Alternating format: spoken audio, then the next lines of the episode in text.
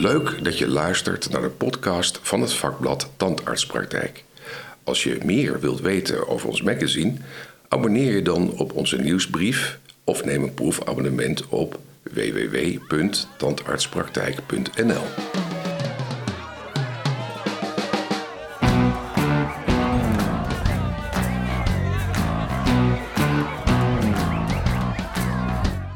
deze aflevering ging hoofdredacteur Sander Loos op bezoek bij tandarts Ron Steenkist. Steenkist is meer dan een tandarts. Hij begeleidt namelijk als businesscoach collega's bij de praktijkvoering. Hij is ondernemer, hij maakt podcasts en hij heeft aan het schrijven op LinkedIn ook nog eens een tijdrovende hobby. Een multitasker die zichzelf toch vooral ziet als tandarts. En uh, de andere dingen die erbij komen, uh, ja, die komen erbij. Ik ben echt tandarts in hart en nieren. Alles waar ik het meest gelukkig ben is als ik tandarts ben. Ik kan me niet voorstellen een leven zonder tandheelkunde. En als ik op mijn werk ben, ben ik altijd blij. En ik ben op mijn werk gewoon tandarts. En dan ben ik dus blij. Dan zit ik in een flow en dan ben ik eigenlijk ben ik super gelukkig. Als je nou geen tandarts was geworden, wat dan?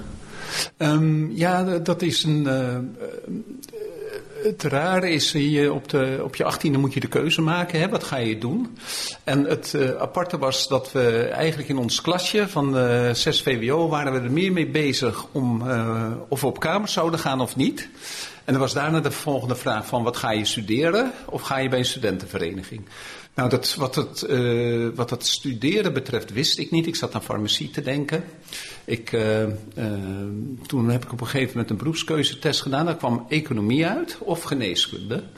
En um, en toen op een gegeven moment dacht ik, ja, geneeskunde vind ik toch eigenlijk wel leuker dan farmacie of economie. Dat dacht ik, want uh, ik kom niet uit een, een, een, bedrijf, een gezin. Uh, mijn vader heeft geen bedrijf. Mijn vader is echt een, uh, iemand die altijd in loondienst heeft gewerkt. Ik kom wel uit een familie van mensen die eigenaren zijn geweest van, of eigenaren zijn van bedrijven. Maar dat heb ik niet via mijn vader meegekregen. En... Uh, dus ik dacht, weet je, als ik tandheelkunde ga doen, dat, uh, dat is, had op dat moment een inloopskans van 80%. En bij geneeskunde was op dat moment die numerus fixers al best zwaar. Dat was 30% of 40%. Dus ik denk, als ik nou tandheelkunde ga doen, dan kan ik na het eerste jaar had ik gehoord, als je dan een gesprek had met de decaan of met de mentor, dan uh, kon je onvermogen met je handen kon je aanvoeren en dan kon je overstappen naar het tweede jaar geneeskunde. En misschien weet je dat nog, we hadden in het eerste jaar best vaak uh, contact met die geneeskundestudenten hè, op het Jan van Zwammerstam ja. Instituut en uh, bij het AEL, het lab, het embryologisch lab, anatomisch lab. Um, maar ik vond het zo gaaf. En waarom vond ik het zo gaaf, die tandheelkunde? Het waren zulke aardige mensen. ik had zoveel vrienden en uh, ik vond het allemaal uh, hartstikke leuk. En, want het eerste jaar zag je geen tand, hè? Nee. Je, je, zag helemaal niets. Je moest wel iets over tanden leren, geloof ik. Van Schuurs, geloof ik, dat boekje. Maar ehm, pas het tweede jaar kreeg je de prekliniek.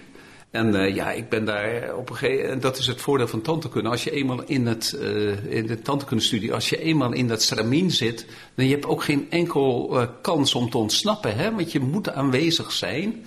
En dat is natuurlijk met studies als sociologie en archeologie en zo. Dat zijn veel minder gestructureerde studies dan wij die altijd maar op die prekliniek bezig waren. Ja, nou weet ik nog wel dat ik het Jans van Dam Instituut, dat was zo lekker dicht bij het Leidseplein. Daar ging ik nog wel eens naar de bioscoop in plaats ja, van ja, ja, nou, maar dat, met je collegekaart, hè? Ja, met ja? collegekaart. Ja, ja, met, maar de Lauwersweg was natuurlijk niks in de buurt ook nee. verder. Je kon ergens naartoe nee. vluchten. Ja, dat is waar. Dus dat, uh, en... Uh, en dat is eigenlijk, ja, soms weet je niet uh, in het leven waardoor het. Uh, want voor hetzelfde geld had ik daar helemaal niks aan gevonden. Maar uh, ik werd meegenomen en, in, het, in het geheel en ik vond het eigenlijk steeds leuker worden. En ja, toen ging je al snel naar militaire dienst. Hè? Toen hadden we nog een militaire dienstplicht. En daar werd ik toen, uh, uh, dat is ook mijn, mijn beste vriend uh, Nico Bezuur, die zat al op atoombasis Volkel, om zo maar te zeggen. En die wist, terwijl ik, ik was twee maanden later afgestuurd en hij, en hij wist mij als landmachter toch bij atoombasis Volkel te krijgen. Dus we hebben daar met z'n tweeën een hele fijne tijd gehad als standaards.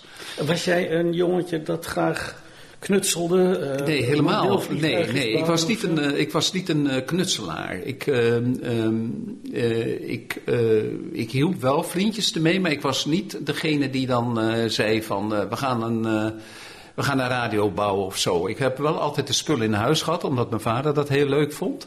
Maar ik heb eigenlijk nog nooit een radio afgemaakt, hè, want die kon je toen de tijd nog zelf maken. Dus mijn vader uh, deed dat dan wel, maar ik keek dan wel, maar ik, ik, ik heb nooit zelf een. Uh, of een, uh, je had ook van die, dan maakte je dan met, vooral vriendjes deden dat.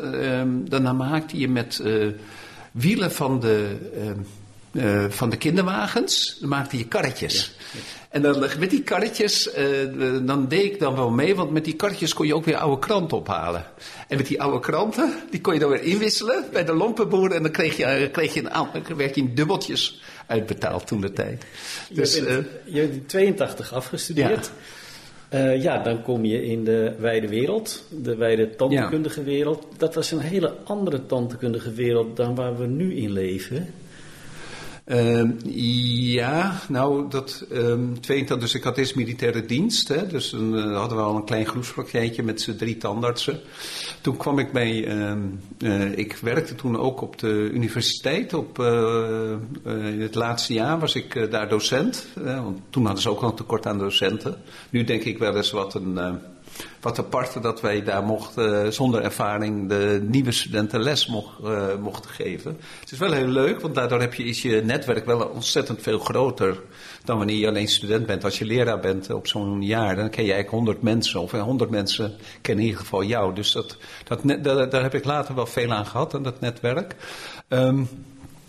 Uh, toen, toen ik daar les gaf, werd vroeg uh, Toon Richter zie ik hem nog wel. Uh, zou je niet een paar weken voor mij willen waarnemen op Nellestein? Op Tantekunde Nellestein in, uh, in Amsterdam Zuidoost, in de Bijlmer toen de tijd nog geheten. En, um, want ik wil een paar weken op vakantie. Ik ben daar dus ben, voor uh, ben ik daarvoor ingevallen. En toen halverwege de week werd ik gebeld. En toen zei hij, ik kom niet meer terug. misschien kan jij daar gewoon blijven werken. Toen ben ik daar dus blijven werken en ik ben daar nooit meer weggegaan. En in 87 was, um, misschien ken je dat nog wel, de periode van het gele en groene pakket. Nee. nee, dat was toen, de, je, had het, uh, het uh, je had het zieke, je had natuurlijk particulier. Je had het groene pakket voor kinderen ah, ja, en je had het gele pakket. En wij mochten als, omdat we een onderdeel min of meer gelieerd waren als gezondheidscentrum, mochten we onze volwassenen als kinderen behandelen. Dus we kregen in plaats van 11 euro voor de controle of 11 gulden voor de controle. Nee, 6 gulden voor de controle en 11 gulden voor het tandsteen verwijderen. Mochten wij 11 gulden rekenen voor de controle en geloof ik 25 gulden voor de tandsteen verwijderen. Um, maar dat ging eruit. En toen heeft het gezondheidscentrum gezegd: Weet je, jullie moeten gewoon maar stoppen, jullie moeten gewoon privatiseren. Want dan, uh, jullie zitten zo in de weg met de, de subsidiestromen. En, uh, en toen, en de CPN, toen de tijd nog, was er mee eens. Dat kan je het niet voorstellen dat de CPN er mee eens was dat wij gingen privatiseren. En, en ja, toen, toen was je opeens baas. Dus ik werd opeens van loondienst, uh, werd ik dus eigen baas. En toen in 1991, dat is eigenlijk het moment voor mij. Je hebt altijd een aantal momenten in je leven dat je leven verandert. En in 1991 kwam Dick Barnes. Ik was dus acht jaar uh, tandarts, een beetje de seven year itch, hè, zoals de Amerikanen zeggen. Dan gaat iets kriebelen, dan heb je het vak een beetje onder de knie. En um, nou, je, je, moet je voorstellen, ik, kan, ik, ik, ik gebruik dat verhaal ook, ook in een van mijn cursussen. Dus ik kan het verhaal vertellen zoals het ging. Is van, um, um, ik, woon, ik woon op, aan de Gelderse Kade, op de rand van de Rosse buurt. En het is een oud, middel, uh, een oud gouden eeuwpand, wat een beetje in verval is. En ik sta s morgens om een uur of negen op. En ik, ja, je, je, kent een beetje die muffe lucht van die oude Amsterdamse panden wel. Dus ik, ik denk, god, stinkt hier weer een beetje. En ik loop zo naar voren, ik doe de gordijnen open en ik kijk zo naar de overkant. En dan zie ik uh, Lisa, haar eerste of haar laatste klant ontvangen. Dat, hè, dat, ze, ze zwaaide vriendelijk naar mij en ik zwaaide terug. En, ja, en ik zat zo te mijmeren. En toen zat ik toch te denken van ja, ik moest zo naar een, cursus, een cursus van een Amerikaan. En een aantal vrienden gingen daar naartoe, Mark van Wingaard en Nico Bezuur. En ik dacht, wat moet je nou toch met een cursus over management in de tandheelkunde? Ik dacht, wat een onzin. Want ik ging elke ochtend ging ik vanaf uh, Centraal Station met de metro naar de Gaasperplas. Daar deed ik mijn ding. We hebben hartstikke leuke patiënten, hartstikke leuke uh, tweekamerpraktijk. En uh, ja, je, je, je, je, was gewoon tandarts. En en dan ging ik s'avonds weer, weer terug. Dan maakte ik het eten met mijn, uh, met mijn vriendin. En dan gingen we naar bed of gingen niet naar bed. En we, we keken MTV of niet MTV. En de volgende dag weer hetzelfde.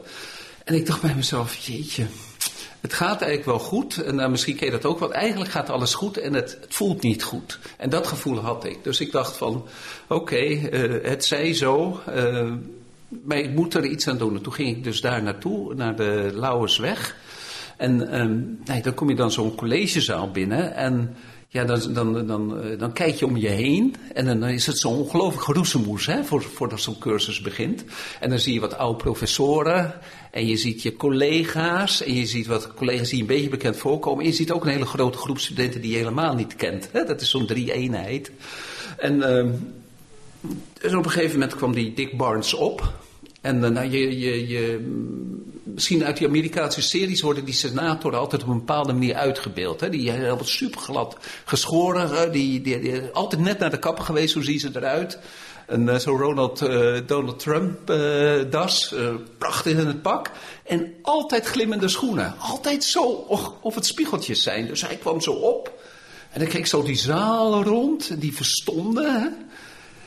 En hij zei van, You're a dentist, you have to work harder. No, you don't have... Nee, hij zei het anders. You, dentist, you have to work smarter and not harder.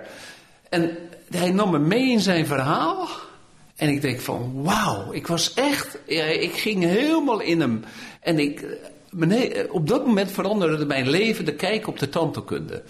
En ik had die week daarop had ik uh, vakantie. Dus ik had al zijn bandjes gekocht.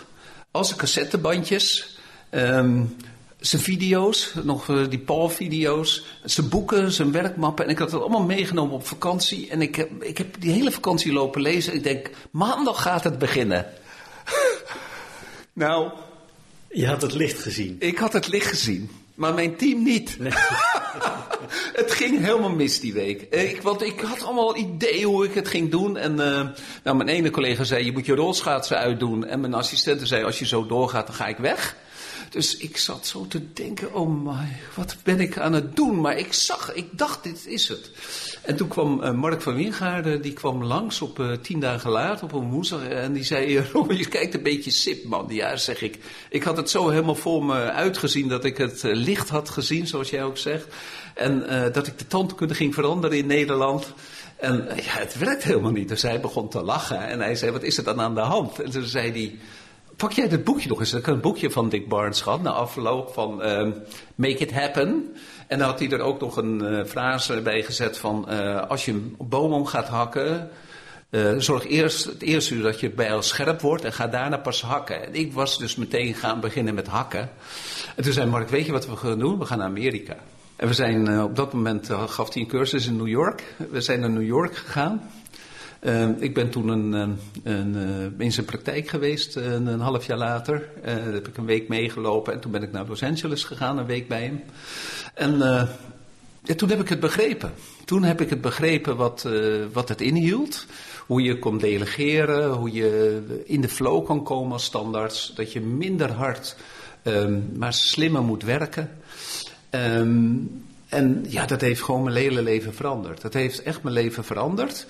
Ik ben dus, um, ja, ik ben op dat moment ook heel erg managementboeken gaan lezen. Ik ben eigenlijk van, uh, ja, uh, solist, uh, van vakidioot, hè, wat, wat ik gewoon ben, ben ik uh, ondernemer geworden. Want het vervelende is natuurlijk als. Um, wij zijn het liefst bezig in die mond. En we vergeten gewoon dat er een team is. Dat we daar helemaal niet in getraind zijn. We weten niks van marketing. We weten niks van verkoop. We weten niks van hoe we met patiënten eigenlijk moeten omgaan. Je krijgt een half les psychologie. Maar dat is natuurlijk. Uh, overal in de wereld weet je hoe je met een klant om moet gaan. er wordt geleerd hoe je dat moet doen. Dat je er niet moet vechten met je klant. Maar dan, dat het een dans is met je klant. Om ervoor te zorgen dat hij doet wat jij denkt wat het beste voor hem is. dat je je klant helpt. En dat het niet verkoop is, maar helpen. En ja, dat, dat was, een, ja, dat was zo'n inzicht. En daardoor heb ik dus de mogelijkheden gekregen om het, uh, het vak uit te bouwen en het vak zo ontzettend leuk uh, te houden. Ben je een betere tandarts geworden daardoor ook? Ik ben een, uh, nou die, die, ik ben een, ehm, ik denk dat ik een veel betere tandarts ben en waarom ben geworden. En dat merk ik aan de mensen die ik op dit moment begeleid als tandarts business mentor. En het grappige is, als, ja, um, als Business Mentor had ik verwacht. Um, uh, mijn doelgroep dacht ik, dat zijn de tandartsen die in de 7-year itch zitten. Die acht, negen jaar bezig zijn en die stap moeten maken. En dat heb ik niet goed gemarkerd. Dat, uh, daar heb ik geen goed onderzoek naar gedaan. Want het blijkt dat mijn, mijn doelgroep is eigenlijk geworden de tandarts tussen de 40 en de 50. Met een, niet met een solopraktijk, niet met een zeskamerige praktijk, maar met een driekamerige praktijk. Wat veel tandarts hebben een driekamerpraktijk. En dus als je een driekamerpraktijk hebt, blijf je altijd bruintjes blussen. Terwijl die eigenlijk net te groot is voor een één- of tweekamerpraktijk kan dat. Maar met de driekamerpraktijk zou je eigenlijk al een uh, praktijkmanager nodig hebben. Maar dat is te klein eigenlijk om een praktijkmanager te kunnen betalen. En daar zit dus een ontzettende uh, uh, energielek bij die tandartsen, omdat ze eigenlijk uh, die drie kamers niet op een, op een goede manier. Um, ze doen niet op een goede manier het, de agendaplanning. En, en als je de agendaplanning niet goed doet, dan ben je altijd een, de wachtkamer aan het leeghalen. En een, een wachtkamer aan het leeghalen maken met één kamer is soms al vermoeiend. Maar als je assistenten de Tweede Kamer ook nog vol zetten, dan zit je altijd in je overdrive. En wat ik dus, dat heb ik nooit beseft. Want het rare is natuurlijk, je gaat met de mensen om waarbij je je snang bij voelt. En um, op een gegeven moment uh, is, mijn, zijn, is mijn vriendenkring, is Nico Bezuur, die heeft een grote praktijk, Alwin van Dalen heeft een grote praktijk. Dat zijn de mensen met wie je omgaat, omdat je daar begrepen voelt. He, uh, als, ik tegen een, als ik mijn systeem ga uitleggen aan een tweekamer uh, tandarts, die denkt, wat een gedoe. Wat een gedoe, laat mij gewoon mijn, mijn tand, laat mij gewoon tandarts zijn. Dat is toch ook goed? En um, dus het apart is dus die groep van één, twee of drie kamers, dat, is, die, die, die, dat, dat zijn eigenlijk nooit mijn vrienden geworden, omdat... Uh, het zijn wel mijn vrienden, snap je, maar niet op het bedrijfsmatige vlak. Daar praat ik niet bedrijfsmatig mee. En dat he, dus voor mij heeft die groep, het leiden van die groep met drie kamers, is, is altijd voor mij onder de horizon gebleven. En uh, wat ik nu aan het, uh, wat ik hun probeer uh, bij te brengen, is gewoon dat ze rust in hun schema's maken, op de juiste manier delegeren. En dus en rust in het schema houdt ook in dat je productiever bent. Want je weet zelf wel, hoe drukker een, een praktijkdag is, hoe slechter de inkomsten. Dat, uh, hoe minder omzet je maakt. En het is veel fijner om in alle rust omzet te maken. Je bent endodontoloog, dus het is niks lekkers voor jou dan een uur een heerlijke, moeilijke 1,6 of 1,7 te doen. Want dan kom jij in de flow, dan heb je rust. Dan hoef je niet aan die wachtkamer te denken, hoef je niet aan andere dingen te denken. Terwijl als je al die kleine protheses en die occlusaal en nog een keer iets van de mondhygiënist en nog een verwijsbrief, weet je, dat, dat, dat, dat is een ongelooflijke energie. Althans, dat komt voor mij op als een ongelooflijke energielek. Dus als je niet zorgt, um, kijk, je kan een schoenendoos maken en dan gooi je al, dan laat je de balie bepalen wat er gebeurt. Of je zegt, oké, ik maak grote blokken.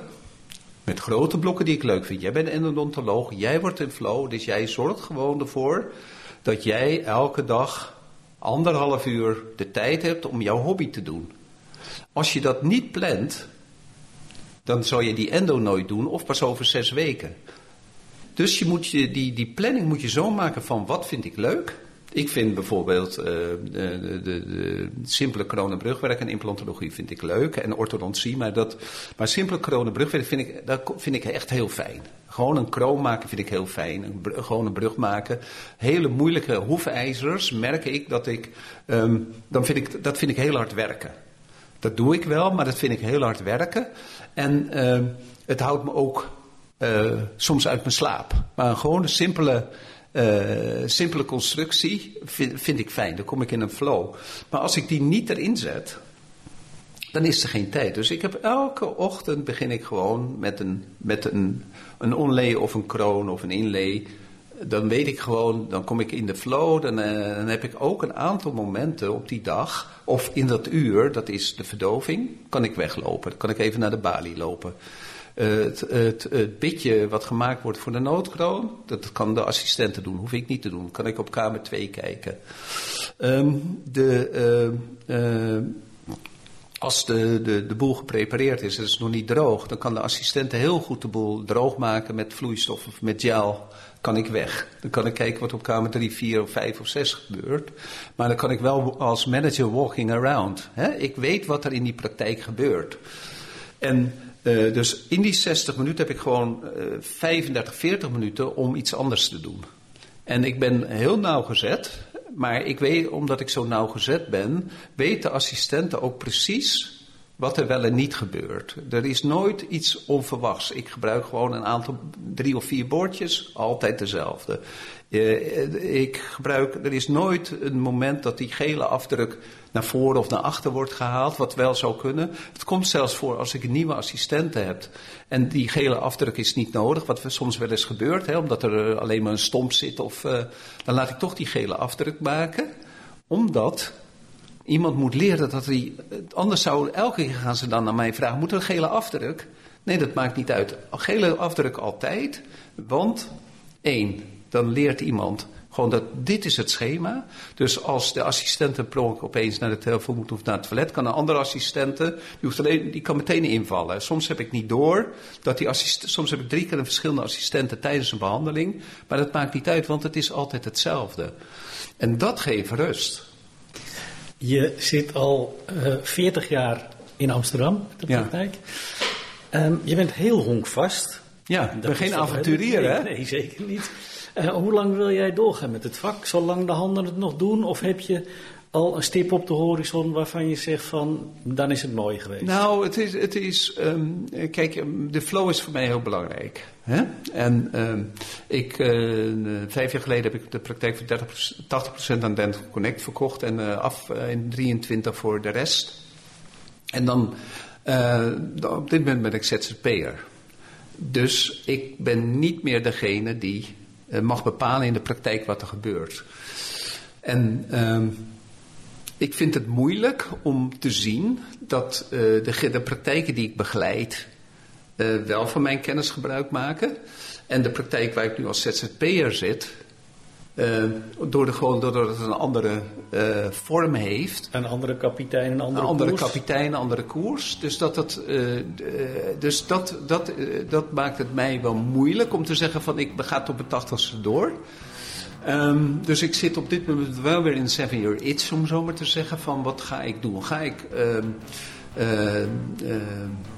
uh, door op Nellestein, uh, maar dan in, op een andere vorm. Dus alleen als orthotandarts of als kroon, uh, kroontandarts of gewoon als, alleen als begeleider van de jongeren. Hè, dat ik, dus ik zal wel doorgaan met het vak. Ja, ik denk dat je als je tandarts business mentor bent, dat je wel een dag in moet werken, denk ik. Je hoorde tandarts Ron Steenkist in een podcast van het blad Tandartspraktijk. Wil je meer weten over ons magazine? Ga dan naar www.tandartspraktijk.nl.